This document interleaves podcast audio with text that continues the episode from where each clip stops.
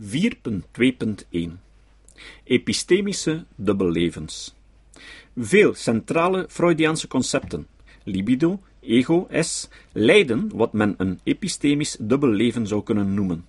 Ze hebben een semantisch rijke en wel omschreven betekenis in de normale praktijk van boute theoretische speculaties, maar een uitgerokken en mistige betekenis in de nabijheid van falsificaties. Binnen de psychoanalytische gemeenschap is er geen eenduidigheid over de precieze rijkwijde van dergelijke termen.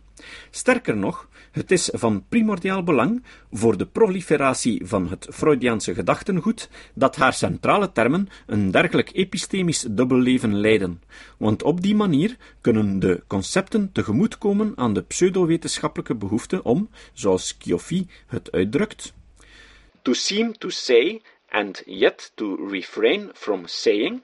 Het is immers niet voldoende dat een pseudowetenschap zich weerhoudt van uitspraken die haar kwetsbaar maken in de empirische werkelijkheid. Dat ze met andere woorden niet falsifieerbaar is, ze moet tegelijkertijd ook zo goed mogelijk de indruk wekken dat ze krachtige voorspellingen maakt.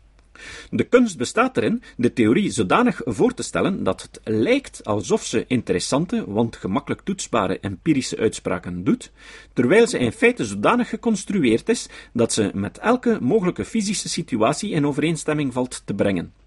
De theorie die geen gebruik maakt van een dergelijke ingenieuze rekbaarheid, Richard Webster heeft het over haar world-revealing elasticity, en die ondubbelzinnig niet falsifieerbaar is, zou ook elke geloofwaardigheid missen.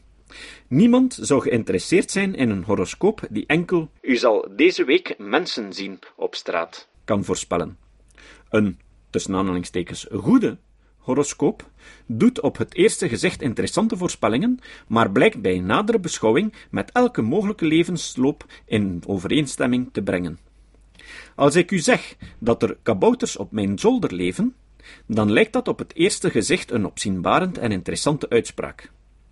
Wanneer ik u bij nadere inspectie van mijn zolder verduidelijk dat het om een zeldzame en schuchtere soort onzichtbare kabouters gaat, die bovendien over de psychokinetische gave beschikken om zichzelf ongemerkt door de ruimte te verplaatsen, dan lijkt het er steeds sterker op dat mijn kaboutertheorie niet falsifieerbaar is.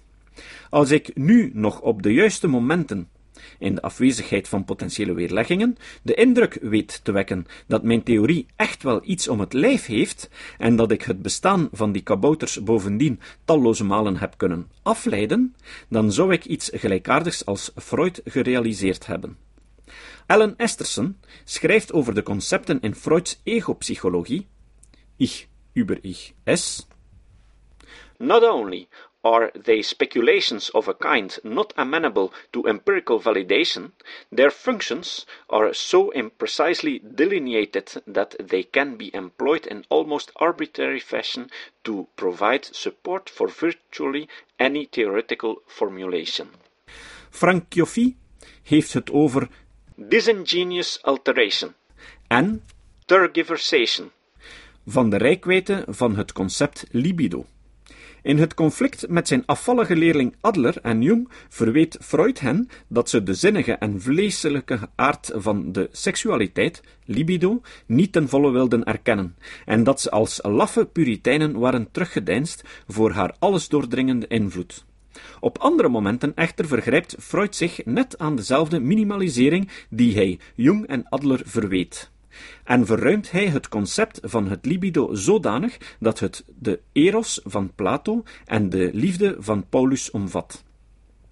Met deze ingenieuze elasticiteit die Freud doorheen zijn hele carrière heeft uitgebuit, moest hij aan twee tegenstrijdige noden voldoen.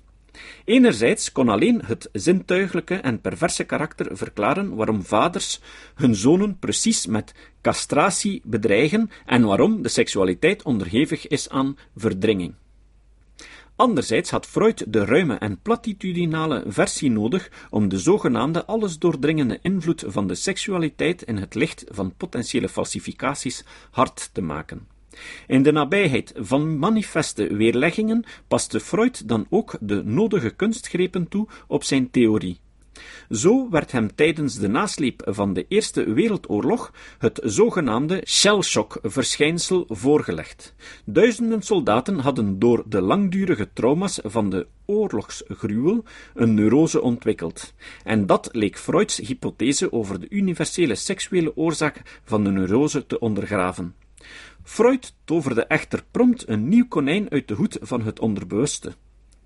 Het narcisme en wist de oorlogsneurosen alsnog aan de hand van een libidinale bezetting, bezetsum, catexis, te verklaren. De oorlog dreef de narcistische soldaat volgens Freud tot waanzin, omdat hun meest begeerde liefdesobject, hun eigen lichaam, bedreigd werd. De libido wordt gericht op het eigen ego in plaats van op een object. Door zijn libido-theorie in allerijl met een niet falsifieerbare ad hoc-hypothese te redden, had Freud ze echter tot een inhoudsloos pleonasme uitgehold. Hij had, zoals Kiofi opmerkt, gewoon de conventie ingevoerd om alles wat neurotisch was, vanaf dan seksueel te noemen. Maar wat belette hem om zijn theorie bij een andere gelegenheid opnieuw in de bouwde en semantische krachtige betekenis te gebruiken?